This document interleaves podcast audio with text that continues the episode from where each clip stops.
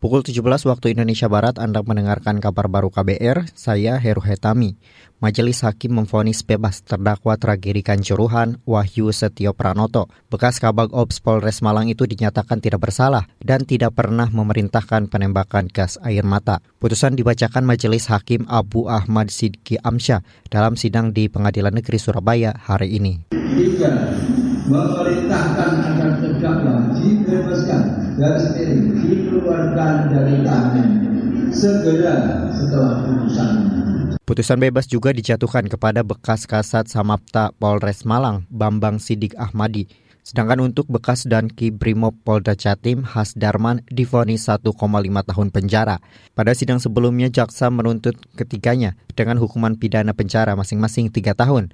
Jaksa mendakwa ketiganya lalai sehingga menyebabkan 135 orang tewas dalam tragedi Kanjuruhan Oktober tahun lalu.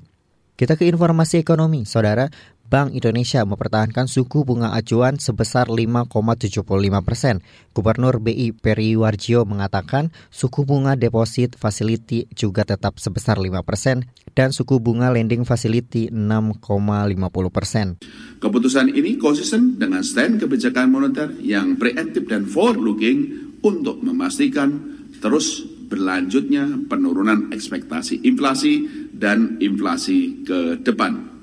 Bank Indonesia meyakini bahwa BI 7-day reverse repo rate sebesar 5,75 persen tersebut memadai untuk mengarahkan inflasi inti tetap berada dalam kisaran 3 plus minus 1 persen pada semester 1 2023. Gubernur BI Periwarjio menyebut suku bunga acuan juga memadai untuk memastikan inflasi indeks harga konsumen IHK kembali ke sasaran yakni 3,0 pada semester 2 tahun ini. Kata dia, Bank Indonesia terus memperkuat respons bauran kebijakan untuk menjaga stabilitas dan mendorong pertumbuhan.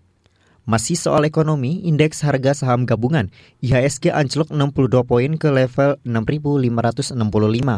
Ini penurunan level terendah dalam 15 bulan terakhir. Mengutip investor ID, penurunan IHSG dipengaruhi pelemahan seluruh bursa saham global dan regional mayoritas sektor saham ikut melemah. Hanya sektor kesehatan yang menguat 0,57 persen.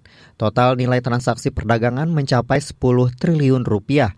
Lebih dari 470 saham melemah, 90-an saham menguat, dan 130 saham stagnan. Sementara itu, nilai tukar rupiah di pasar spot melemah 0,13 persen ke posisi 15.380 per dolar Amerika Serikat.